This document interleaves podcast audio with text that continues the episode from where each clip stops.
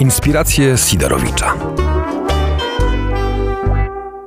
Dzień dobry, albo w sumie jeszcze dobry wieczór, bo e, patrząc u mnie za okno jest jeszcze dosyć ciemno.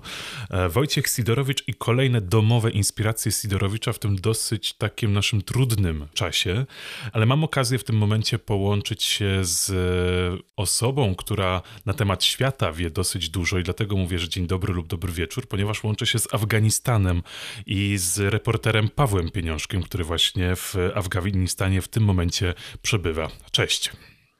Cześć. Kawa gotowa, tak? Jak e, rozmawialiśmy przed chwilą, tylko trochę mnie ciekawi, e, ja jestem kawoszem, uwielbiam kawę, też również zaparzyłem sobie przed chwilą. Ciekawi mnie, jak się parzy kawę w Afganistanie, jakie ty masz tam możliwości? E, nie no, wiesz co, z kawą nie ma jakichś, znaczy nie jest kawa bardzo popularna, bo w Afganistanie głównie pije się herbatę zieloną, pije się też kawę, e, herbatę z szafranem, więc z kawą, z kawą bywa różnie, no ale, ale no, ja ze sobą wożę zawsze Areopress e, i ileś kawy, ale przez to, że ten mój wyjazd się znacznie przedłużył, to skończyła mi się moja własna kawa, więc teraz po prostu kupuję w kawie w sklepie i zaparzam ją w, jak to się nazywa, w, e, no w nie w, jak się nazywa po polsku, nie w garnku, tylko... Tygielek? Tyglu, o właśnie, o, dziękuję. Przepraszam, czasami zapominam już polskich e, słów, przez to, że ciągle funkcjonuję w różnych językach, w tyglu. No tak, no pomiędzy kilkoma językami to też e, za chwilę o tym powiemy. Areopress mówisz, ja również e, bardzo lubię kawę z Areopressu, e, ale też zaopatrzyłem się w kilka nowych jakichś urządzeń ciekawych, które w dosyć nietypowy sposób parzą tę kawę. Jedno wygląda jak klepsydra. Woda tam się A. leje w takiej... Czy to jest Chemex? E, nie, nie, nie, nie. To się nazywa Gabi Master. To też e, okay, to wygląda jak drip, taki e, drip, na który nakłada się taką klepsydrę, która dozuje odpowiednią ilość wody która przelatuje wtedy przez 16 pryszniców e, takich. Okay. Jest takich 16 pryszniców i ona równomiernie zaparza kawę, ale smak jest naprawdę wyjątkowy. Wiesz co, ja lubię Aeropress, bo jest super wygodny do podróży, bo go bardzo łatwo wrzucić do walizki, znaczy do torby i się nie przejmować, szczególnie, że mam jeszcze młynek, który idealnie pasuje do Aeropressu, więc wszystko mam poskładane, jest to bardzo kompaktowe a kawa jest dla mnie e, bardzo ważna w sensie takim, że jak się rano nie napiję kawy, to naprawdę jestem nie do życia, więc e, i też nie cierpię kawy rozpuszczalnej. To jest chyba jedyna rzecz, której wciąż jakoś tak bardzo przestrzegam, to jeżeli nie jestem w nią wkopany towarzysko, że ktoś mnie poczęstuje kawą rozpuszczalną, to nigdy sam siebie kawy rozpuszczalnej się nie napiję, więc, e, więc Areopress tutaj i właśnie inne jakieś możliwości zaparzenia kawy mnie zawsze ratują. To się dogadamy już w takim razie. Już widzę, że mamy płaszczyznę e, porozumienia w tym wypadku. Ja również jestem po kawie z kawiarki, chyba e, to jest Brazylia w tym momencie. To też tak rozmawiając właśnie po, e, w języku kawoszy. Dosyć nietypowe święta masz w tym roku. Spodziewałeś się, że będziesz Wielkanoc spędzał właśnie w Afganistanie? Nie spodziewałem się, ale też też to już nie jest pierwszy raz, kiedy jestem na święta gdzie indziej, bo chyba dwa lata temu Wielkanoc spędzałem w Syrii. E, więc nie, no jest to, no nie, nie spodziewałem się tego, myślałem, że wrócę do świąt do Polski, no ale tak się złożyło, że wciąż jestem tutaj. W jaki sposób sobie e, zaaranżowałeś ten czas, jakoś kontaktując się z rodziną, ze znajomymi przez internet? Nie, jeszcze go w sumie wcale nie zaaranżowałem, bo wczoraj pracowałem, musiałem wysłać artykuł, miałem e, deadline, więc, e, więc tym się zajmowałem, więc jeszcze w żaden sposób tych świąt w sumie nie spędzałem. To przypomnijmy w takim razie, Paweł Pieniążek jest na co dzień związany z Tygodnikiem Powszechnym. Jak już też rozmawialiśmy, okazało się, że pracujemy, e, różni nas e, piętro pomiędzy naszymi redakcjami, e, aczkolwiek rzadko bywasz, zawsze z terenu w redakcji, ale to wynika z charakteru pracy, ponieważ Paweł Pieniążek jest... Jesteś reporterem, tak? To można powiedzieć, czy bardziej korespondentem? Jakbyś ja zawsze nazwał? mówię, ja mówię o sobie dziennikarz, dlatego że mhm. e, uważam, że każdy w tym kraju chce być reporterem, a brakuje po prostu, brakuje ludzi, którzy chcą robić po prostu dziennikarstwo i uważam, że w dziennikarstwo jest mnóstwo różnych form, nie tylko reportaż, E, które są bardzo ciekawe i, e, i które warto robić, więc ja jestem bardzo przywiązany do słowa dziennikarz, które zostało już e, dawno temu bardzo zszargane, więc jeśli miałbym powiedzieć, że mam jakąś misję, to żeby to słowo dziennikarz znowu wróciło do swojej dawnej formy. Nie lubię tego rozdzielania na reporterów, publicystów i tak dalej, i tak dalej, bo to no, uważam, że to jest przerost formy nad treścią bardzo często, a, a, a więc dlatego nazwałbym się po prostu dziennikarzem. Ale korespondent to chyba też jest dobre słowo, biorąc pod uwagę to, że relacjonujesz wydarzenia z zagranicy, bo to między innymi właśnie Syria, Afganistan, Ukraina, tak, Irak. Tylko kwestia tego jest taka, w sensie to bardzo techniczne, ale... E, no, korespondent zazwyczaj jest e, stałym pracownikiem, w sensie jest e, etatowym pracownikiem jakiejś redakcji. Ja jestem mhm. współpracownikiem Tygodnika Powszechnego i jestem też freelancerem, czyli pracuję dla różnych mediów. A, więc stąd też pojęcie korespondent ogólnie powoli w jakimś sensie przestaje istnieć, bo, e, bo media bardzo rzadko wysyłają na stałe placówki swoich dziennikarzy. Czyli po prostu Paweł Pieniążek, dziennikarz. Nie będzie. Jak się czujesz w Afganistanie? W porządku, no w sensie mógłbym w sumie już wrócić, bo zrobiłem te wszystkie rzeczy, które planowałem. E, części nie zrobiłem, dlatego że pokrzyżował je koronawirus oczywiście, ale tu się pojawiły inne tematy, więc ogólnie e, wszystkie te rzeczy, które miałem zebrać już są zebrane i, i podlegają już tam jakiejś wstępnej obróbce i więc muszę tak w zasadzie tylko pisać. Już nie bardzo mam rzeczy do, do mhm. zbierania. Oczywiście wykorzystując to, że, że jestem tu dłużej y, niż miałem być, to, no to zbieram kolejne materiały, pojawiają się jakieś tam kolejne rzeczy. No, jednak jak jest się na miejscu, to zawsze po prostu coś się pojawia na horyzoncie, coś wyskakuje. Więc staram się z tego korzystać i jakoś się nie zamykać, no ale mówię, teraz już jestem w fazie bardziej pisania, szczerze mówiąc, niż, niż zbierania materiałów. No tak to, to wszystko w porządku, no nie ma, nie ma tu jakichś bardzo trudnych warunków, w sensie pewnie w domu byłoby bardziej komfortowo, no ale mówię, nie ma, nie ma powodów do narzekania. Zastanawiam się, co jeszcze nowego, jak jeszcze można w, inaczej spojrzeć na temat Afganistanu, o którym mówimy od um, kilkudziesięciu, można już nawet powiedzieć w sumie lat e, na świecie. W ostatnich um, prawie 20 latach e, dużo, dużo szerzej również o Afganistanie mówimy. E, co nowego właśnie dziennikarz może przywieźć z, z, takiego, z takiej wizyty? Jest to mnóstwo rzeczy, dlatego że e, tak naprawdę to polskie dziennikarstwo, e, które, które tutaj znajdowało, znaczy dziennikarze, którzy byli w Afganistanie, to w dużym stopniu e, pracowali z polskim wojskiem, kiedy ono było tu szczególnie aktywne, bo teraz jest to tylko nieduża misja szkoleniowa, która niewiele robi. No i oczywiście poza Wojciechem Jagielskim, moim redakcyjnym kolegą, który jeździł do Afganistanu bardzo dużo, ale też już da, dosyć dawno temu. Więc no, jednak ta perspektywa się zmienia. To znaczy, przez w ciągu tam 10 czy 15 lat e, sytuacja w tym kraju bardzo się zmieniła. I jest tutaj mnóstwo, mnóstwo tematów, których, e, które są zupełnie nieopisane, przy, przynajmniej w polskich mediach. E, dla, jak się pracuje dla zagranicznych, też tu można znaleźć mnóstwo rzeczy. Jeżeli zobaczysz na to, jak obstawione są tu zagraniczne media, no to one mają tu bardzo, bardzo mocne grupy dziennikarskie, bardzo mocne zespoły. I, I, naprawdę Polaków tu było straszliwie mało od, od bardzo dawna, w sensie bardzo mało. Jeżeli weźmiesz polskie media i poszukasz informacji z Afganistanu, w sensie nie depesz, e, tylko właśnie jakichś takich tekstów opisujących codzienne życie, no właśnie tutaj może być reportaży, a to ich jest straszliwie mało, no bo tu nikogo po prostu nie było, no, a, a tekstu reporterskiego nie napiszesz z biurka, w sensie możesz napisać, no ale to taki, taki sobie tekst reporterski.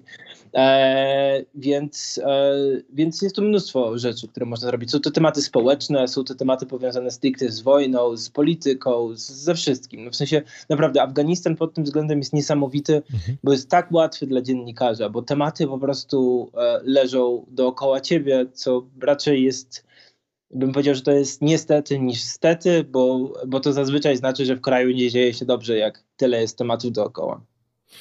Przyjechałeś z jakimś swoim założeniem e, do Afganistanu, bo niedawno byłeś pierwszy raz, e, z tego co kojarzę, w Afganistanie. Miałeś jakieś swoje wyobrażenie tego kraju, wyrobione zdanie?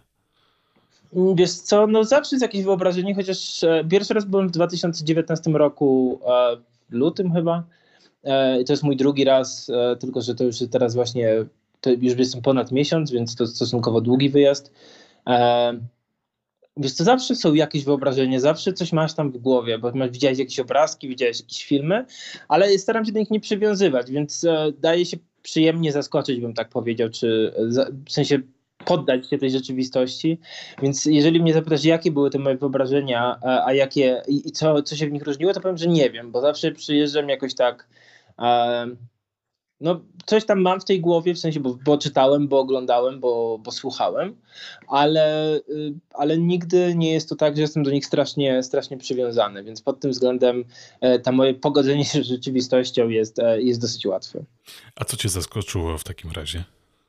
Jest to w jakimś sensie zaskoczył mnie sam Kabul, w sensie takim, że e, jest to ogromne miasto, bo tu mieszka około 6 milionów ludzi, które z jednej strony jest jakoś tam dysfunkcjonalne, bo jest, jest, jego infrastruktura jest nieprzystosowana do e, takiej liczby na przykład samochodów, e, więc są straszliwe korki, są problemy, nie wiem, z kanalizacją, e, z bieżącą wodą, z prądem.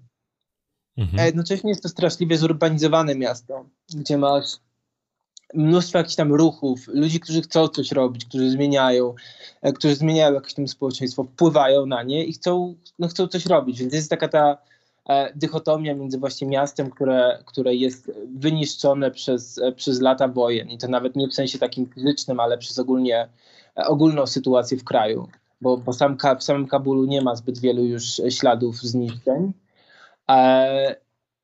ale, ale właśnie jest mnóstwo, mnóstwo jakichś takich, takich no, nie wiem, no, niedziałających rzeczy po prostu. I z drugiej strony właśnie ci mnóstwo tych ciekawych ludzi, którzy, którzy chcą coś robić. Więc to też jest właśnie świetny zawsze temat na, na porozmawianie. Więc, e, więc jest tu takie, no jest to po prostu jakaś tam sprzeczność w sobie, która jest bardzo interesująca do oglądania na co dzień. A jesteś w stanie jakoś e, odnieść kablu chociażby do jakiegoś innego miasta, w którym byłeś do tej pory? Na przykład do jakiegoś też miasta w Polsce? Nie. Myślę, że to jest nie, w sensie nie, nietrafne będzie zupełnie. W sensie unikałbym tych porównań z Polską, bo, bo często jest to robione często zbyt na siłę i wprowadza to wiele błędów. Nie, Kabul jest w sensie, nie wiem, nie byłem na przykład w Pakistanie czy Indiach i wierzę, że na przykład tam miasta mogą być bardziej podobne do Kabulu. E, mhm. więc stąd, stąd po prostu nie mam tego porównania, ale z tych miast, w których ja byłem, czyli głównie w Europie Wschodniej, na Bałkanach, e, w, na Bliskim Wschodzie, no nie, to Kabul się bardzo różni.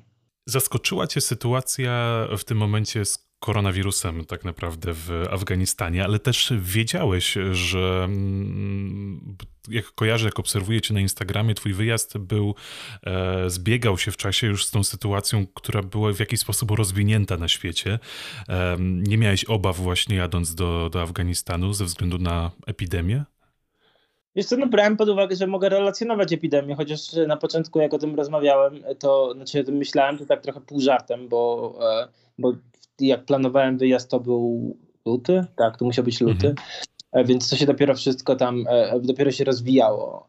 Kiedy przekraczałem granicę uzbecko-afgańską, to był początek marca i też sytuacja była jeszcze zupełnie inna. To znaczy, była już kwestia tego, że uzbecka granica była niemal zamknięta i tam, znaczy była zamknięta i chyba jednostronnie, oni tam, e, więc nie, nie wpuszczali ludzi poza, poza obywatelami Uzbekistanu, ale wciąż nikt się nie spodziewał, że zostaną odwołane wszystkie loty, że zostaną zamknięte miasta, więc ta sytuacja była, e, była zupełnie inna. No ale też jeżeli, gdybym wiedział jak się rozwinie ta sytuacja, to pewnie też bym tu przyjechał i zrobił dokładnie to samo, bo, bo to też jakoś jest bardzo interesujący moment, żeby, e, żeby tę sytuację relacjonować. No właśnie, jak wygląda sytuacja z koronawirusem właśnie w Afganistanie?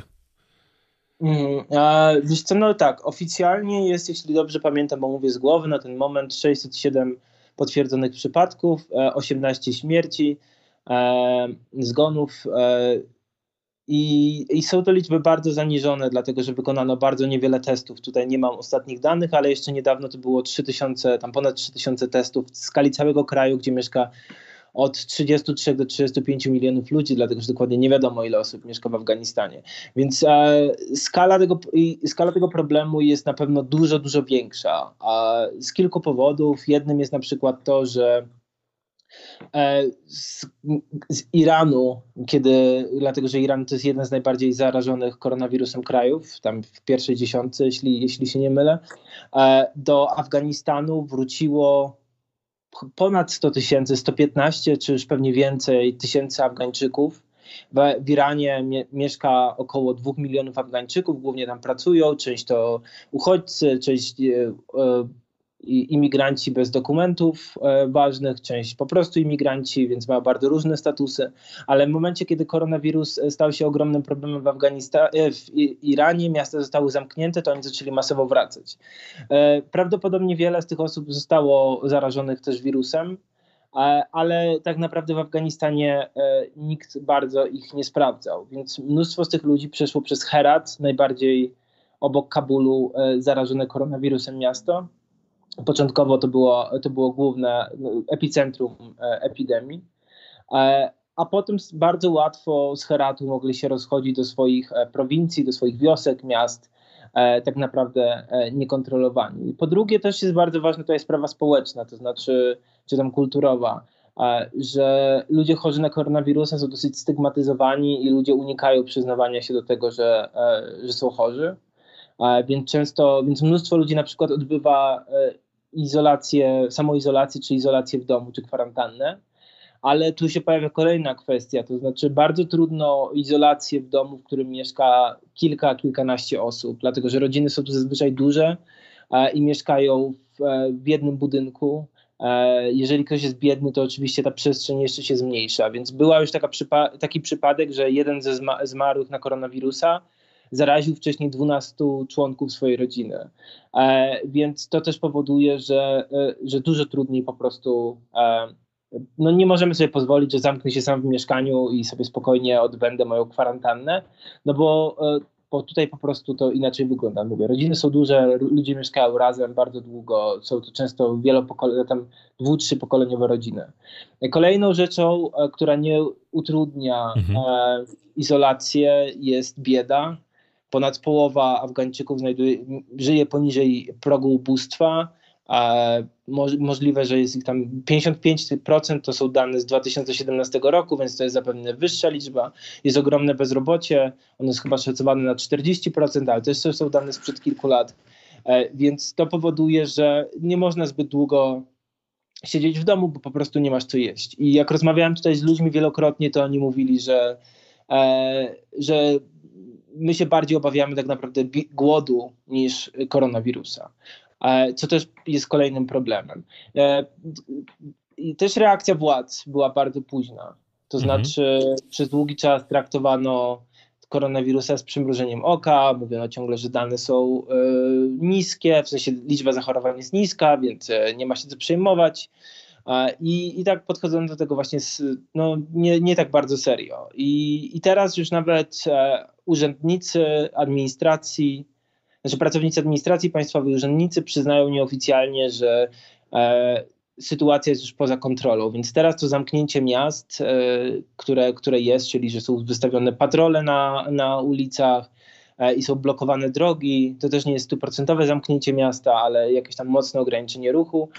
E, no jest po prostu trochę, trochę za późne i, e, i wirus, już zresztą gubernator prowincji Kabul e, powiedział ostatnio, że sytuacja jest katastroficzna właśnie w Kabulu z powodu rozprzestrzeniania się koronawirusa. Więc mówię, ogrom tego problemu jest zapewne dużo, dużo większy, tylko wciąż nie znamy skali i nie poznamy. Aha, no i co jeszcze bardzo ważne, o czym zapomniałem, to jest to, że E, w wielu miejscach, e, nie, w miastach, ale w jakichś prowincjach e, nie ma dostępu do szpitali czy nawet klinik, więc mhm. wiele osób nie zostanie zdiagnozowanych. Czasami bywa też problem w, w, z dostępem do wody, więc też trudno o, o to, żeby regularnie myć ręce. Więc, więc to jest jakaś taka cała, cała pasmo problemów, E, z którymi teraz będzie się mierzył Afganistan i które powoduje, że e, no, koronawirus naprawdę może być tu poważnym problemem. Już jest, ale że może być jeszcze większym. Zresztą e, dane przytaczane, takie najbardziej pesymistyczne scenariusze przytaczane przez Ministerstwo Zdrowia Publicznego to jest, że 26 milionów z 33-35 milionów obywateli Afganistanu zachoruje na koronawirusa, chyba 16 milionów będzie miało jakieś objawy, a ponad 100 tysięcy umrze. E, więc e, oczywiście nie mówię, jeżeli nie zostaną podjęte odpowiednie środki zaradcze. Czy one zostaną podjęte i czy, czy jeszcze jest na to czas, tego, tego nie wiadomo. No właśnie, jakie to mogą być środki, bo powiedziałeś, że sytuacja jest już nie do ogarnięcia w tym momencie, bo nie wiadomo, kto jest nosicielem tego wirusa. Coś jeszcze tam można zrobić, żeby jakoś ograniczyć tę pandemię? No wiesz co, no w moment, jeżeli nie zostanie, tak mi się wydaje, jeżeli nie zostanie wprowadzone jakieś wsparcie dla osób najuboższych, e, to po prostu nie ma możliwości, żeby izolacja była przeprowadzana na dłuższy czas, dlatego że jak mówiłem, ci ludzie nie są w stanie przeżyć. A to jest jeżeli... możliwe, żeby e, właśnie e, jakoś to, to wsparcie było zapewnione? W ogóle jest jakiś ruch ze strony rządu pokazujący tą wolę? No jak rozmawiałem z ekonomistami, właśnie w tej sprawie to mówili, że raczej jest to mało możliwe, dlatego że e, Afganistan e, ma spore problemy finansowe, do tego e, Stany Zjednoczone, jeszcze nie wiadomo, czy to się wydarzy na pewno, ale powiedziały, że obetną miliard, miliard dolarów pomocy dla mhm. Afganistanu, co też powoduje, że ten budżet się coraz trudniej dopina, więc jakiś taki rozbudowany program socjalny e, jest raczej mało prawdopodobny. Więc e, no nie wiem, wydaje mi się tutaj takie właśnie ograniczanie ruchu i co się udaje w tym sensie, że jak zobaczysz ruch, jak wyjdziesz na ulicę, to jest pusto i, i to jest naprawdę taki szokujący widok, bo Kabul jest wiecznie zakorkowany, wiecznie pełen ludzi. No ale mówię, nie, w sensie nie chcę też tutaj siać jakiejś paniki mówić, że, że sytuacja jest nie do ogarnięcia, bo może się to, może ta choroba przejdzie łagodniej e, niż jest spodziewane. No ale mówię, sytuacja jest dosyć skomplikowana i, e, i nie jest to jasne. No, nie wiem, czy dużo więcej kroków jeszcze e, może podjąć. Myślę, że będzie dalsze e, zamyka, jakieś próby zamykania miast, ograniczenia ruchu, bo one są stopniowo zaprowadzane. Ale to jest wszystko robione tak bardzo e, stopniowo, to znaczy jak obserwowałem sytuację w Europie, może się mylę, ale tamte zamknięcia miast były przeprowadzone dosyć radykalnie. E, a mhm. tutaj one są właśnie takimi bardzo, bardzo robione to powoli, dlatego że o pierwszych zamknięciach miast to już się mówi od bardzo dawna, od ponad miesiąca przynajmniej, a dopiero, dopiero pod koniec marca została wprowadzona blokada i przez pierwsze kilka dni ta blokada była naprawdę fikcyjna. W sensie utrudniała trochę ruchu, ale głównie E, między Kabulem a, a, prowin- a w sensie a, a resztą prowincji, a, ale po samym Kabulu podróżowało się jeszcze wówczas e, bez problemu. Czy zamknięcie miasta są właśnie takie e, jedyne te, te, działania związane z ruchem, czy jeszcze mieszkańcy e, muszą się liczyć z jakimiś ograniczeniami? Tak jak w Polsce na przykład właśnie są wprowadzone te zasady rękawiczek, e, dwóch metrów pomiędzy osobami, e, niewychodzenia z domu, właśnie apelują cały czas, cały czas władze o to apelują. Czy tam również coś takiego można spotkać? Y, są wprowadzone ograniczenia, znaczy są poproszono ludzi, żeby nie wychodzili z domów i wiele osób wychodzi z tych domów jak rzadko tylko może, w sensie to widać. E, więc jeżeli chodzi no, o ten dystans dwóch metrów, to mówię, w, przypadku e, mieszkania w domach, gdzie, gdzie żyje wiele osób, to jest też dosyć fikcyjne, ale nie ma, nie ma takiego, takiego zapisu. Zamknięto większość lokali, w sensie sklepów, jakichś tam restauracji, które mogą działać tylko na wynos. A, więc ogólnie całe, większość miasta też jest zamknięta właśnie takim, że jeżeli chcesz się udać do sklepu, to, to trzeba się go poszukać. Zazwyczaj jakieś takie małe sklepy e, w okolicy są otwarte, ale, ale większość jest pozamykana. E, czy jeszcze coś było takiego z środków e, zaradczych? E, no chyba nie, no w sensie jest takie, no aha, w samochodach nie może podróżować więcej niż cztery osoby, e, więc to głównie dotyczy tak naprawdę transportu samochodowego, wprowadzono większość ograniczeń, a mniej jeżeli chodzi o, o ruch pieszy, czy w ogóle wychodzenie z domu, więc też jak patrzę na te restrykcje wprowadzone w Polsce, no to one są dużo ostrzejsze niż tutaj. Gdzieś trafiłem na taki e, artykuł w internecie dotyczący talibów i ich e, spojrzenia na koronawirusa, że e, przeczytałem tam taki, e, taki nagłówek, że talibowie boją się tej epidemii, chociażby walki e, na terenie Afganistanu zostały z ich strony w jakiś sposób wstrzymane. Czy to jest prawda? To nie jest prawda, w sensie talibowie powiedzieli, że są rzeczywiście z tych komunikatów, nie wiem, nie byłem u talibów, więc, e, więc nie mam E, nie mam tej perspektywy, też, też to wiem e, z drugiej ręki, ale talibowie mówili, że, że są gotowi współpracować i wstrzymać walki na terytoria, terytoriach objętych epidemią. Ale z tego co wiem, jeszcze na żadnym terytorium to się nie wydarzyło. To znaczy jest tam gotowość i w razie rozprzestrzeniania się choroby talibowie są gotowi wpuścić w sensie karetki ze strony rządu, znaczy rządowe, i, i pozwolić, żeby, żeby ludzie byli zabrani do szpitali. Ale mówię, na razie jest to tylko jakiś tam przejaw woli, ale, ale nie, e, nie przełożyło się to na rzeczywistą sytuację, dlatego że walki w wielu prowincjach Afganistanu wciąż trwają. Spodziewasz się, kiedy możesz wrócić do domu? Czy to jest niewiadoma nie mam, ogromna? Nie mam pojęcia, bo wszystko zależy od tego, kiedy linie lotnicze zaczną latać.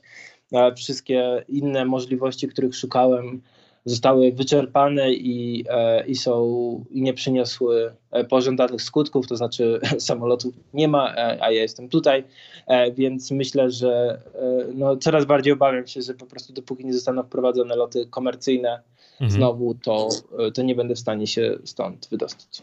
Ale to może być nawet kwestia miesiąca, więcej, nie? Chyba. Mm, wiesz co, no nie wiadomo, no, w sensie tam z tych zapowiedzi, które mówi, znaczy z, mówi się o tym, że na początku maja coś, że mogą być już loty znowu, ale to pewnie wszystko będzie zależało od sytuacji, więc, e, więc zobaczymy co będzie. No nie wiem, jakoś przestałem też o tym e, myśleć, bo nie mam na to wpływu. Zastanawiałeś się, jak, w jaki sposób ten czas będziesz mógł wykorzystać, jednak taki nadprogramowy, niespodziewany. Powiedziałeś, że wyczerpałeś swoje tematy, z którymi tutaj przyjechałeś, e, dziennikarskie. Nie no, mam jeszcze mnóstwo innych tematów, które się pojawiają, jak już, jak, znaczy mnóstwo, trochę, bo mhm. jednak sytuacja też jest tutaj taka e, ograniczona przez, e, przez koronawirusa, mnóstwo urzędów nie działa, więc spotykanie się z ludźmi też jest trochę trudniejsze. E, ale no mówię, jakieś tematy co jakiś czas się pojawiają, więc to też nie jest tak, że zupełnie bezowocnie spędzę ten, ten e, czas. Y, ileś, ileś rzeczy mam tu, na, których, nad którymi wciąż mogę pracować i ciągle jakiś coś mi tam przychodzi do głowy. Nie chcę tego po prostu mówić, bo, e, bo jeszcze tego nie zrealizowałem, a więc nie wiem, co z tego będzie, ale mówię, jakieś tam możliwości ciągle, ciągle się pojawiają, więc pod tym względem e, bardzo nie narzekam. Muszę wypomnieć ci twój wiek, albo raczej nawet spojrzeć trochę z uznaniem e, na twój wiek, bo okazuje się, że jesteś e, raptem 6 lat e, ode mnie starszy. Masz 31 lat, a za sobą wizyty w, i pracę dziennikarską w wielu krajach. Syria, Irak, teraz Afganistan, Ukraina wcześniej i kilka książek na swoim koncie. Ostatnią, czyli po kalifacie, Nowa wojna w Syrii. Mm, to jest chyba dosyć duży dorobek, jak na bardzo młodą tak naprawdę osobę. Mm, nie wiem. Mam nadzieję, że tak, ale nie wiem. No to ze swojej perspektywy mogę powiedzieć, że bardzo duży, jak obserwując, jak obserwuję, więc mogę z uznaniem naprawdę na to spojrzeć. Dziękuję. Jak u ciebie się zaczęła w ogóle ta praca dziennikarska e, poza granicami kraju? Skąd pomysł na właśnie na taką pracę? Wiesz co, to wszystko, w sensie całe moje życie, e, w sensie najciekawsze rzeczy w moim życiu dzieją się przez przypadek. E, I, no i tak to wszystko przez przypadek się działo. To znaczy, poszedłem najpierw na ukrainistykę, która w sensie sama Ukraina bardzo mnie zainteresowała, ale sam studia były bardzo nieciekawe, e, więc się tam straszliwie nudziłem i szybko zacząłem po prostu jeździć sam na Ukrainę i uczyć się tego, jak ten kraj wygląda. E, I to jakoś z tego się wzięło. No potem się zacząłem, e, potem jakoś tam zacząłem współpracować z krytyką polityczną i oni właśnie, raczej oni sami mnie zachęcili do tego, żebym pisał, bo nigdy nie myślałem o sobie jako, jako o kimś, kto może pisać. E, mhm. No i tak stopniowo się tego uczyłem, więc e, i potem pojawiały się kolejne rzeczy. No, potem był rok 2013, właśnie Majdan, kiedy już było jasne, że, e, że muszę tam być i zostałem wysłany właśnie najpierw przez krytykę polityczną, no i potem to wszystko jakoś tak się rozwijało, no ale mówię, to wszystko był po prostu jakiś taki ciąg przypadkowych wydarzeń, które następowały po sobie, bo jakbyś zapytał mnie tuż po skończeniu liceum, co chcę robić, to naprawdę nigdy bym nie odpowiedział, że chciałbym pisać. Mhm. Ale że chciałbyś być dziennikarzem, to byś odpowiedział, czy to, to jest jedno nie. i to samo? Nie, to, mhm. to w sensie nie, o żadnej formie pracy dziennikarskiej nie myślałem. Ani, ani o radio, ani o telewizji, e, ani o pisaniu. W lutym odwiedziłem Ukrainę e, i właśnie też zależało mi na tym, żeby pójść na Majdan, żeby zobaczyć tam takie e, te miejsca, które obserwowałem, e, no, głównie właśnie przez, znaczy głównie tylko i wyłącznie przez media. Trafiłem do pewnej chyba biblioteki, która jest obok Majdanu, e, na której właśnie zaciekawiło mnie to, że na jej bramie wisiało kilkadziesiąt zdjęć różnych osób z jedną datą, e, tą samą, czyli to była data śmierci najprawdopodobniej tych osób. Wszedłem tam do tej biblioteki, no i właśnie udało mi się znaleźć kogoś, kto mówił jakkolwiek po angielsku. I pani zaczęła mi opowiadać właśnie, jak tam e, do tej biblioteki przyjmowano ludzi, jak udzielano pomoc właśnie e, osobom, które no, ucierpiały na tym Majdanie. Dla mnie to zrobiło ogromne wrażenie. Ty byłeś w sercu tych wydarzeń, prawda? No tak, byłem w tym czasie, byłem w tym czasie na Ukrainie. Większość chyba czasu spędziłem w trakcie wydarzeń na Majdanie, byłem większość czasu w Kijowie. Mhm. E, więc tak, było to na pewno jakoś tam ważne dla mnie też przeżycie, które, e, które utkwiło w mojej pamięci, no bo jednak nigdy w życiu, do tej pory zresztą, nie relacjonowałem tak ogromnych protestów. Mhm. Mm, więc e, to też wiele mnie nauczyło do tego, jak tam funkcjonować, e, jak, jak działać. I to był chyba taki pierwszy poważny mój, pierwsza moja poważna próba dziennikarska. Co zapadło ci w pamięć najbardziej z tamtego czasu? Wiesz no chyba z takich rzeczy, które były jakieś takie bardzo nie czy no może imponujące nawet to była sama organizacja tego wszystkiego, to znaczy jak to się ciągle budowało, e, jak to po prostu stało się jakąś taką oddolną demokracją, e, mimo tego, że byli w to zaangażowani politycy, że gdzieś tam z tyłu byli też oligarchowie, to mimo wszystko to jednak działanie ludzi, to nie wiem, od tego budowania barykad, po tworzenie straży, po wydawanie ubrań, roznoszenie kanapek, e, jakieś takie mnóstwo, mnóstwo rzeczy, że, które powodowały, że, e, że ten nagle, ta mała stosunkowo przestrzeń w porównaniu do reszty Kijowa stała się jakimś takim no, miejscem właśnie, które zostało samą sobą zaczęło rządzić, co było właśnie bardzo, bardzo ciekawe do obserwowania na co dzień. W tym momencie tam w ogóle nie widać e, nic, e, żeby cokolwiek się. Mm, znaczy, jeżeli się nie przyjrzy, to nie widać w ogóle, że tam mogło cokolwiek takiego kilka lat temu się dziać. Normalnie teraz e, tam się żyje. E, Majdan wygląda całkowicie normalnie. Ukraina jednak z Twojej perspektywy mentalnie zmieniła się od tamtego czasu? No na pewno tak. No, w sensie każde takie wydarzenie trudne. Zresztą pamiętajmy, że to że po Majdanie nastąpiły dużo bardziej trudne e, doświadczenia, czyli najpierw Krym, a potem Donbas. Mhm. E, co tak jasne wpłynęło na świadomość ludzi, w sensie oni się zmienili, każdy jakoś tam po swojemu, bo nie ma jakiegoś takiego linearnego przesunięcia. I nigdy nie jest tak, że wiesz, że jedno wydarzenie determin, znaczy powoduje, że odbieramy je tak samo. To znaczy, to, to jest właśnie ciekawe w doświadczeniu, że E, I to jest ciekawe z perspektywy dziennikarza, jak rozmawiasz z ludźmi, że to samo wydarzenie po prostu e, powoduje, że ludzie patrzą na coś zupełnie inaczej, wyciągają z tego zupełnie inne wnioski. E, więc dlatego to nie jest jakaś taka linearna zmiana, ale jest, jest to ogromna zmiana. Nie wiem, z takich bardzo ogólnych rzeczy to na pewno jakieś takie przywiązanie większe do tego kraju pojawiło się wśród ludzi. To, no tak, i, i, i, i myślę, że Pewnie też się potem bardzo szybko pojawiło ogromne rozczarowanie związane właśnie z polityką, z tym, że, ta, że te protesty nie, nie przyniosły jakiejś tam ogromnej zmiany, więc, y, więc to wszystko jakoś tak, no jest to bardzo, bardzo złożony proces i trudno go tak opowiedzieć bardzo krótko, ale no ale, ale to miało ogromny wpływ i, i na każdego, na każdy kraj miałoby ogromny, na każde społeczeństwo miałoby to ogromny wpływ, bo są to po prostu jakieś tam traumatyczne wydarzenia, e, które kształtują świadomość. A Twoim zdaniem wybór e, prezydenta Zełańskiego e, z Twojej perspektywy i z, z Twojego spojrzenia to był dobry wybór przez Ukraińców? Mm.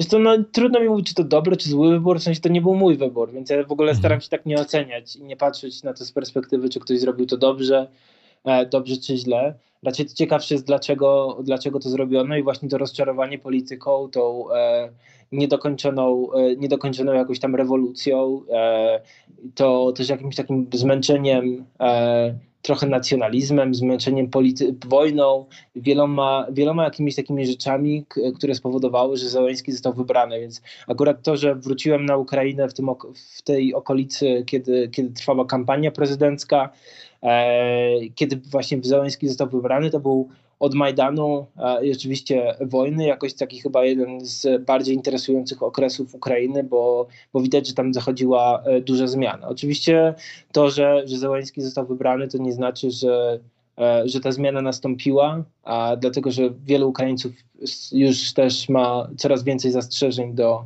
do obecnego prezydenta, więc mhm. niewykluczone, że, że pod koniec jego kadencji e, skończy mniej więcej tak jak poprzedni prezydent Petro Poroszenko, czyli po prostu przegra wybory.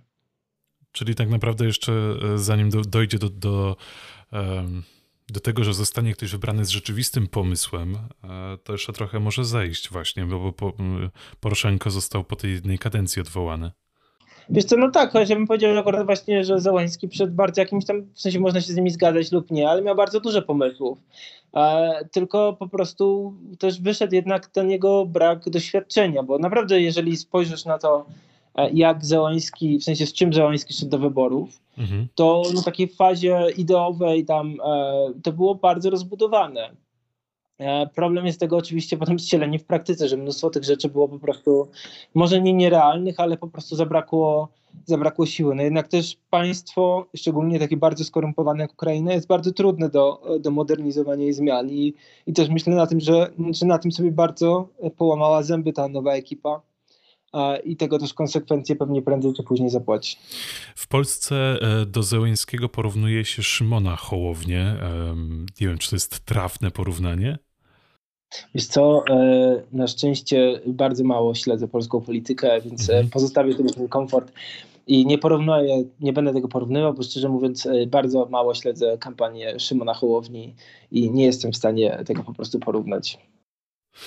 No, teraz kampania w sumie jest zawieszona. Nie wiadomo, co Dobra, się do końca dzieje w Polsce. Pozornie zawieszona. Wracając w takim razie do Twojego doświadczenia światowego, Ukraina, później była Syria. Wiesz co, później był Irak. Irak tak jeszcze naprawdę. wcześniej. Mhm. A, tam pojechałem najpierw e, właśnie z celem pojechania do Syrii, ale wówczas to było niemożliwe. I potem była Syria. Mhm. E, tak. Irak, Syria, no w sensie to e, zawsze, ja, jeżeli docierałem do Syrii, to jechałem zawsze przez Irak, więc to dlatego jest takie trochę naczynie połączone w tym sensie dla mnie. Zupełnie e, inne doświadczenia i zupełnie inna sytuacja niż na Ukrainie, również dramatyczna, ale zupełnie inaczej. Um, zaskoczyła cię pewnie ta sytuacja tam. Czy byłeś gotowy na to, co zobaczysz właśnie w Syrii, w Iraku? Nie, no nigdy nie jesteś gotowy na to, co, co zobaczysz, w tym sensie, że jak już mówiłem też w kontekście Kabulu i Afganistanu, że możesz mieć tam jakieś oczekiwania, no ale, ale one zazwyczaj są zupełnie inne i niezależnie od tego, jak dobrze się przygotujesz, bo dla mnie każdy wyjazd no to jest spore przygotowanie. To znaczy są to książki, są to, mhm. są to media, e, więc staram się zawsze, mam mnóstwo zrobionych notatek i ciągle je uzupełniam. Zresztą na przykład mam, nie wiem, w, w moim notatniku e, o, mam podzielone wszystko na tematy, e, więc nie wiem, na przykład temat koronawirus bardzo gwałtownie się rozrasta w samym Afganistanie, więc mam rozpisaną całą statystykę, jak się zmieniało to, jakieś tam różne rzeczy. E, od, od chyba od właśnie początku lutego, kiedy się pojawiły pierwsze informacje o tym, że koronawirus może jakoś tam wpływać na, e, na Afganistan. Więc e, to zawsze są jakieś takie rzeczy, które robię, no ale jednak sytuacja na miejscu okazuje się zazwyczaj bardzo, bardzo inna. Ja mam doświadczenie Iraku też dosyć ograniczone, bo byłem tylko w północnym Iraku, czyli mhm. tym, gdzie są Kurdowie, a, które kontrolują Kurdowie, no poza z wyjątkiem Mosulu. E, więc tam chyba, co mnie tak bardzo zaskoczyło, to jednak to, jak, jak bardzo spokojne e, jest to miejsce i e, jak tych mimo naszych wyobrażeń o Iraku właśnie jako całości, jak ono bardzo się od niego różniło.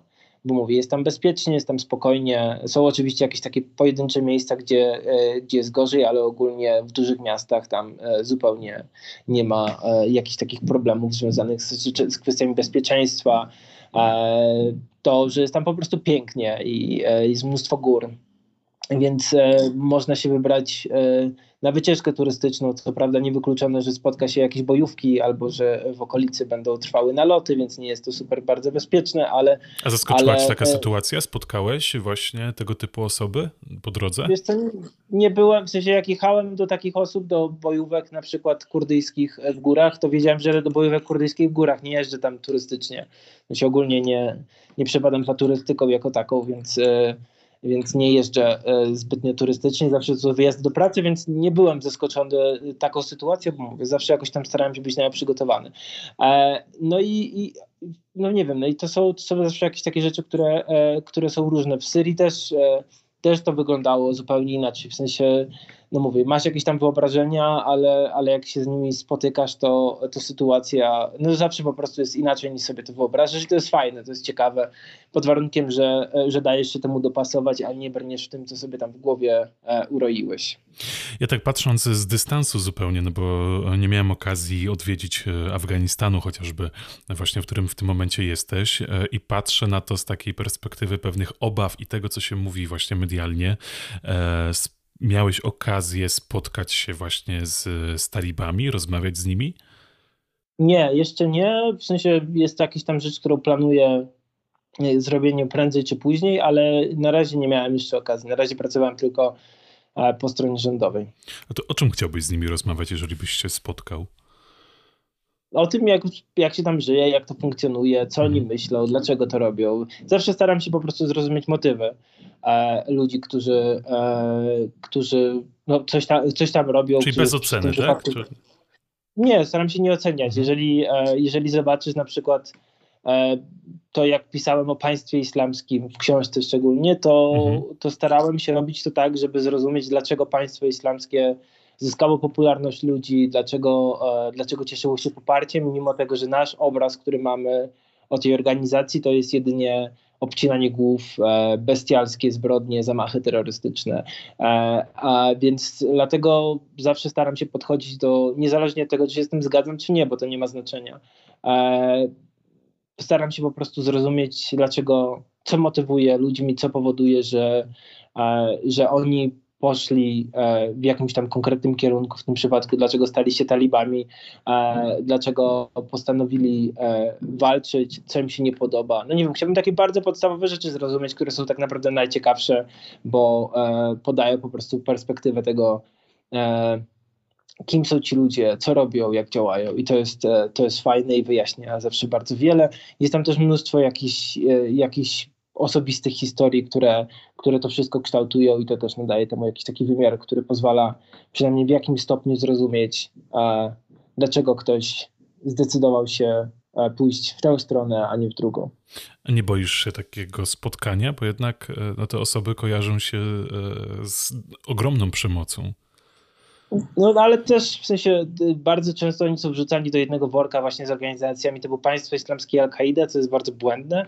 W sensie ja też wiesz, jak jedziesz, to nie jest po prostu tak, że wsiadasz do samochodu e, i jedziesz i po prostu mówisz cześć, chciałem z wami porozmawiać, tylko to wcześniej wszystko jest umówione. Mhm. E, więc dostajesz tą gwarancję bezpieczeństwa. E, oczywiście coś może pójść nie tak, coś się może wydarzyć i jest tam jakieś ryzyko w tym, ale, ale to zawsze jest rzecz e, przygotowana. To nie jest po prostu, że robisz coś tak, ach, przejadę się i, i, porozmawiam, no bo nie jest to wycieczka, no tylko jest, niesie to ze sobą jakieś tam zagrożenie. Chciałbym wrócić jeszcze właśnie do tematu e, Afganistanu i bardziej z tej, tej perspektywy twojej pracy w tym momencie, zapytać cię o to, co miałeś okazję właśnie zobaczyć i czy udało ci się um, obalić w sobie jakieś, jakieś mity chociażby dotyczące e, Afganistanu, albo potwierdzić. Ja znam Afganistan głównie z e, filmów, z seriali kryminalnych e, mhm. w większości, e, więc to jest jedyne zdanie, jakie mogę sobie wyrobić, ale wiem, że na pewno e, to nie jest e, prawdziwe, prawdziwe spojrzenie na ten kraj. Zobaczyłeś coś tam nowego, czego na przykład właśnie w takich filmach, serialach nie jesteśmy w stanie zobaczyć? No pewnie, w sensie, nie widziałem zbyt wielu takich seriali i filmów, więc trudno mi powiedzieć. Ale, ale wiesz pewnie, że przemoc właśnie, ubóstwo... No tak, no ale myślę, myślę, że właśnie to normalne życie, w sensie takie codzienne życie, bo to jest ogólnie to, co mnie najbardziej interesuje w, pracy w jakichś tam strefach kryzysowych, nie tylko konfliktowych, to jest to, jak ludzie przystosowują się do różnych warunków. E, no i w tym przypadku też pewnie to byłoby najciekawsze, bo jeżeli masz taką perspektywę bardzo przemocową, a to jednak zobaczenie tej właśnie perspektywy codziennej z takiego zwykłego życia, które może być mniej lub bardziej zamożne, może tam mieć mniej lub więcej problemów, ale jest, jest po prostu zwykłym życiem, gdzie, gdzie ludzie sobie po prostu funkcjonują, chodzą do pracy, cieszą się jakoś tam swoją codziennością mhm. e, w tych warunkach, jakie mają. E, więc, e, więc to chyba jest takie najciekawsze i to, to zazwyczaj umyka e, właśnie w takich, w takich miejscach, często też w mediach.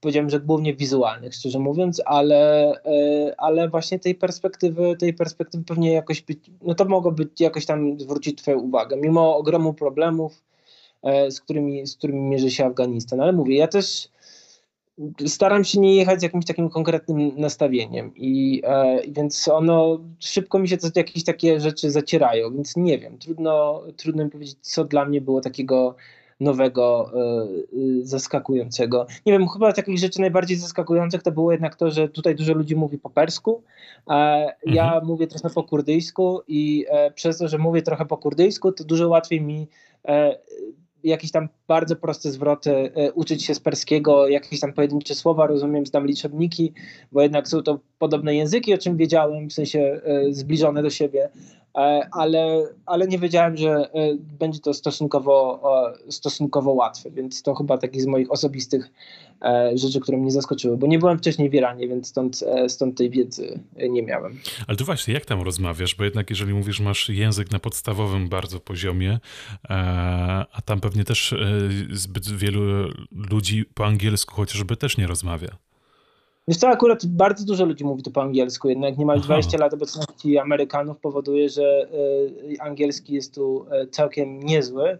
E, jeżeli chodzi o jakieś takie, no w sensie mój, mój tutaj barbarzyński perski to jest raczej na, na poziomie takim, że mogę pójść do sklepu i zrobić zakupy, mogę coś zamówić, E, więc jakieś takie bardzo proste rzeczy, z kimś tam przy, przedstawić się mogę, no mówię, jakieś takie bardzo, bardzo proste rzeczy, więc to nie są rzeczy, które pozwalają mi na wykonywanie pracy, tylko raczej na e, jakieś sobie e, trochę ułatwienia codzienności. I zbliżenie się do tych ludzi, nie? No tak, tak, chociaż to takie bardziej są wszystko przelotne kontakty, no bo jasne, że na, na ulicy tam jakoś bardzo się z nikim nie zbliżasz, tylko wymienisz uprzejmości co najwyżej.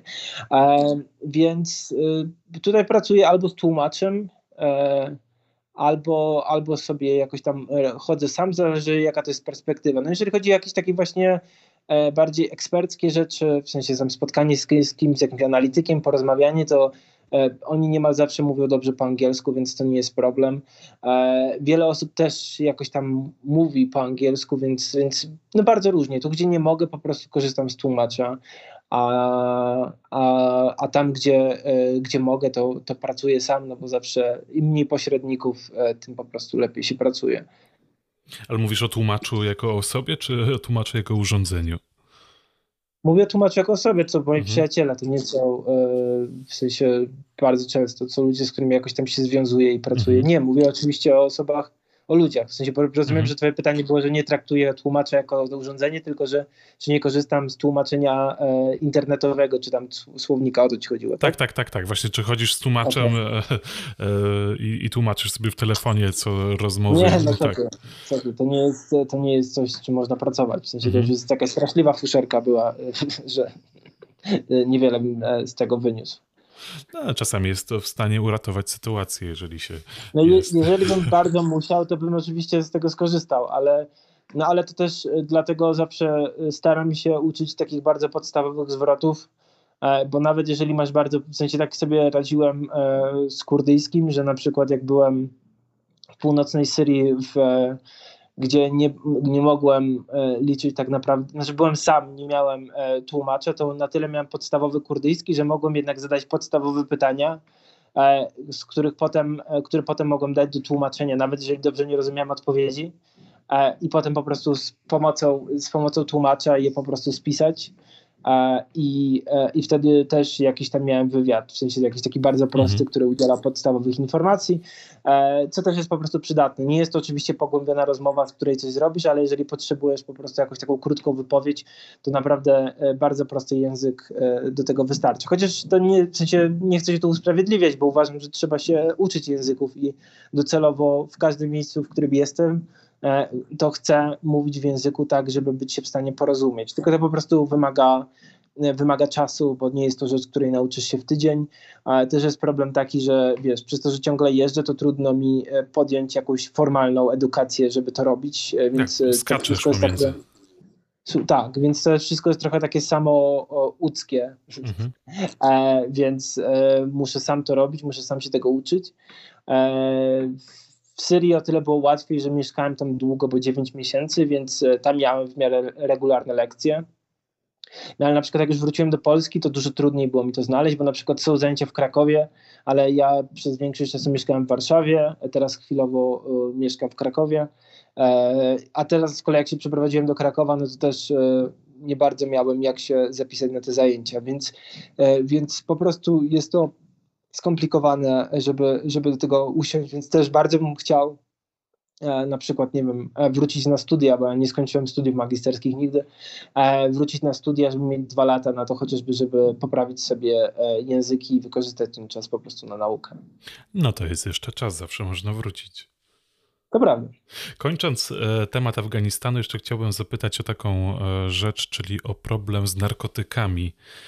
Miałeś okazję w jakiś sposób e, zetknąć się z, e, naocznie właśnie z problemem narkotyków, bo tam podobno jest ogromny problem z narkotykami. Same Stany Zjednoczone wpakowały ogromne ilości pieniędzy w walkę z narkomanią. Tak, tylko też e, większość całego biznesu narkotykowego rozwinęło się podczas obecności Stanów Zjednoczonych, mhm. więc e, nie powiedziałbym, że te wpakowane pieniądze jakoś były bardzo skutecznie. E, Poza tym też często przymykano na to oczy, no to jest bardzo, bardzo skomplikowana e, kwestia, jeżeli chodzi o działalność Stanów Zjednoczonych i narkotyki w Afganistanie i bardzo niejednoznaczna. Mhm. A w każdym razie tak, jest to gigantyczny problem, bo tam według różnych szacunków chyba od 8 do 11% społeczeństwa jest uzależnionych e, i na przykład w Kabulu e, widać to bardzo, w sensie ludzie palą po prostu heroinę na ulicach. E, nie, nie wszędzie, ale są miejsca, gdzie y, można ich spotkać zawsze. E, są miejsca, gdzie się pojawiają regularnie, więc jest to naprawdę duży problem i bardzo, bardzo go widać. No, trudno, e, trudno nie zwrócić na niego uwagi. Ale tylko wśród dorosłych, czy również zdarza się, że dzieciaki również są w jakiś sposób uzależnione? Wiesz co, zdarza się, że dzieci są też uzależnione, bo na przykład w w jakichś tam prowincjach, w sensie to są też historie, które mi opowiadano i które e, wiem z drugiej ręki, bo, bo tego nie widziałem na własne oczy, ale że na przykład zdarzało się, że, że dzieciom są dawane e, różne, już nie pamiętam dokładnie które, więc dlatego nie mówię nazwy, żeby nic nie pomieszać, e, narkotyki na uspokojenie. Więc tak naprawdę często od dziecka niektórzy są uzależnieni więc jest, ale się po prostu bierze to z braku, braku jakiejś tam świadomości, ale no to jest temat, nad którym właśnie pracuję i on e, powinien się w tym miesiącu, czyli w kwietniu ukazać w Tygodniku Powszechnym, e, bo, bo właśnie tematem narkotyków się, się zajmowałem, ale jest to gigantyczny problem, bardzo się rzuca w oczy i e, tak naprawdę sposobów na to, jak go rozwiązać e, wciąż nie ma. Twoje plany na kolejne wyprawy, jeżeli wrócisz, miejmy nadzieję, z Afganistanu, e, to co dalej? Wiesz co, nie planuję tak zazwyczaj, dlatego że sytuacja się bardzo zmienia i e, większość tych wyjazdów, które, w sensie jakieś takie rzeczy, które sobie planowałem w głowie, to często się nigdy nie realizowały, e, bo sytuacja się zmieniała, bo coś tam. Więc e, mam jakieś tam bardzo luźne rzeczy w głowie, ale raczej się nimi nie dzielę z tego względu po prostu, że no nie wiem na ile one są realistyczne. No, na pewno gdzieś będę, gdzieś będę jeździł. nie wiem, może się gdzieś wyprowadzę znowu, bo w Polsce nie mam jakoś tak strasznie dużo rzeczy do roboty, więc więc no nie wiem, to się, to się okaże. Na razie chciałbym jednak wrócić, y, wyjechać stąd i dopiero potem się będę zastanawiał, e, co robić. A twoje wymarzone jeszcze kierunki, które chciałbyś zobaczyć? Hmm. Powiedziałeś, że nie jeździsz turystycznie w żaden sposób, czy nie lubisz e, tej formy, e, no to pewnie zawodowo coś chciałbyś jeszcze takiego zgłębić? Wiesz co, nie wiem, no tak zobaczyć to musiał wszystko, no bo jednak to wszystko daje ci jakąś nową perspektywę ale tak, żeby pracować regularnie, to, to mam, chciałbym mieć jakieś tam kilka miejsc, których, do których przyjeżdżam regularnie. Na razie tak, tak wyszło, że jest to Ukraina, Syria i stopniowo Afganistan. Jak to będzie się rozwijało dalej i gdzie ostatecznie, no jakie to będą ostatecznie kraje, to, to myślę, że to czas po prostu pokaże, więc ja też jakoś tak staram się e, w miarę pokornie do tego podchodzić i mówię, nie nastawiać się, nie chciałbym jeździć wszędzie, więc e, raczej nie należy się spodziewać mnie w Ameryce Łacińskiej, no chyba, że dostanę jakąś możliwość wyjazdu jednorazowego i żeby coś tam zrobić, to zrobię takie e, spadochroniarstwo dziennikarskie, ale, ale ogólnie nie chciałbym jeździć wszędzie, więc e, nie wiem. Na przykład wschodnia Azja to też nie jest rzecz, która, która jest bardzo ciekawa, ale też której nie chciałbym robić Afryka też raczej nie, e, w sensie tak na stałe, więc e, mówię, mogę się pojawić w różnych miejscach tak jednorazowo, bo to zawsze też tobie daje doświadczenie i otwiera mhm. na, na jakieś nowe rzeczy, ale, e, ale takie stałe miejsca, ale chciałbym mieć takie stałe miejsca, które, które myślę, że z czasem po prostu się jakoś tam wyklują z tego wszystkiego, więc mówię, ja staram się tak tego nie planować, nie zakładać, bo jest to wszystko zbyt trudne, staram się raczej jakoś też poruszać już trochę mi przynajmniej znanych kontekstach kulturowych, więc to też dlatego nie wybieram jakichś takich bardzo odległych nowych regionów, bo, bo jest to po prostu gigantyczna praca, którą trzeba wykonać, e, żeby po prostu nie robić tego beznadziejnie i tak strasznie powierzchownie powstanie jakaś książka, bo to też muszę zapytać, skoro e, jesteś też pisarzem, jednak e, masz na swoim koncie kilka książek, czy z Afganistanu też planujesz albo chciałbyś napisać? E, powiem, że nie potwierdzam i nie zaprzeczam, bo po prostu nie ma żadnych konkretów na razie, więc e, jeżeli wymyślę coś fajnego i znajdę wydawnictwo, które będzie chciało to wydać, to, to wtedy może tak ale nie wiem, mówię, staram się, staram się zbyt wiele takich rzeczy sobie nie zakładać i, e, i na nie się e, bardzo, bardzo też nie nastawiać, bo, no bo to prowadzi do, do nie wiem, do, rzeczy, do zobowiązań, których potem żałujesz, że podjąłeś, do mnóstwo rzeczy, których nie przewidziałeś. Zresztą było tak, że z jednej książki zrezygnowałem, bo jak w październiku doszło do ataku tureckiego na północną Syrię, bo już wtedy zrozumiałem, że nie będę w stanie zrealizować tej książki i, e, i, i, i wolałem po prostu pojechać do Syrii, bo uważam, że to jest ważniejsze i dużo bardziej związane z tym, co się zajmowałem, więc, e, więc dlatego staram się, mówię, zbyt wiele o takich rzeczach nie myśleć i nie zakładać, bo, bo to się po prostu szybko zmienia. No właśnie, i po Syrii powstała książka po kalifacie, Nowa wojna w Syrii, dosyć e, dobrze przyjęta e, z tego, co się orientowałem e, i też wydana przez wydawnictwo Czarne. Ja jeszcze nie trafiłem chyba na złą książkę z wydawnictwa Czarne, a twoją również mam na półce przeczytaną, więc... Bardzo mi miło. No, więc miejmy nadzieję, że również do wydawnictwa Czarne trafisz, bo w sumie chyba tylko stamtąd ostatnio kupuję książki. No zobaczymy. Zobaczymy, e, co będzie, jak będzie wyglądała sytuacja. Mówię, nie wiem, nie nastawiam się na nic konkretnego na razie. Trzymam kciuki w takim razie i przede wszystkim trzymam kciuki za Twój e, powrót do Polski. E, miejmy nadzieję, że w Krakowie również będziesz miał okazję poopowiadać, chociaż chyba teraz to będzie dosyć trudne żeby się spotkać. Tak. tak, tak teraz pomyślałem, że kurczę, fajnie byłoby usłyszeć taką, taką e, relację na żywo e, z tego, co zobaczyłeś w Afganistanie, efekty pracy, ale chyba takich spotkań raczej nieprędko zobaczymy. To prawda. No dzięki za, e, za życzenie powrotu. Mówię, nie jest to jakaś sytuacja tragiczna i nie jestem w jakimś tam niebezpieczeństwie czy czymś takim, ale fajnie by było wrócić, więc E, a, a co do spotkań, tak, też, też mnie ktoś pytał o te spotkanie i tak pomyślałem, że to dosyć jakieś abstrakcyjne w ogóle e, myślenie o spotkaniach. Taka prosta w sensie, rzecz, no nie? Tak, tak, ale, ale jest to dosyć zabawne, bo ja miałem rzeczywiście mieć kilka spotkań e, w kwietniu, no ale już i tak zostały odwołane, bo, no bo, no bo sam wiesz. No, zaskoczyła nas wszystkich ta sytuacja. Właśnie, jak, jak spędzasz ten czas w tym momencie, skoro e, masz w jakiś sposób wyczerpaną swoją pracę, szukasz nowych tematów, bo one się trafiają, ale też pewnie nie wychodzisz zbyt często z domu. E, to jak spędzasz ten czas?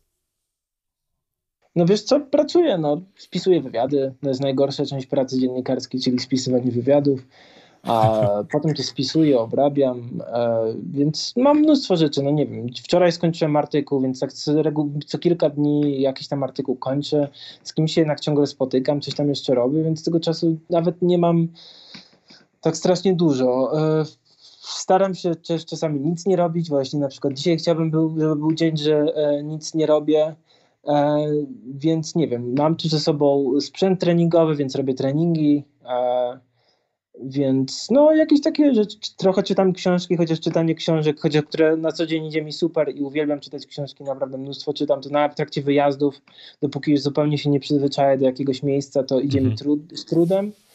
Mm, dużo czytam mediów, e, Ostatnio też trochę więcej czasu spędzałem na Instagramie, bo staram się robić więcej relacji i to też jest takie chyba medium społecznościowe, na którym jestem najaktywniejszy. E, więc no tak, powiedziałbym, że tego czasu jest mniej niż, niż, bym, niż bym chciał, szczerze mówiąc. Wiecznie zajęty człowiek. E, ale to też nie przesadzą. Ze swojej perspektywy jednak jak patrzy się tak e, z boku, to jednak wygląda na to, jakbyś tego, jakbyś ten czas wy, wykorzystywał na maksa po prostu jak tylko się da, co jest naprawdę super.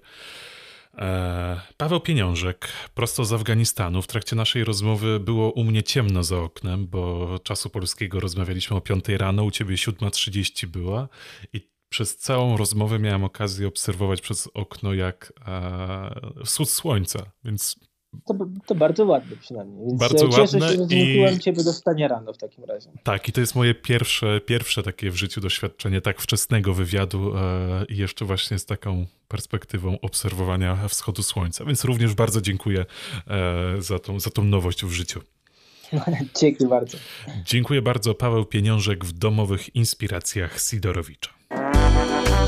Inspiracje Sidorowicza.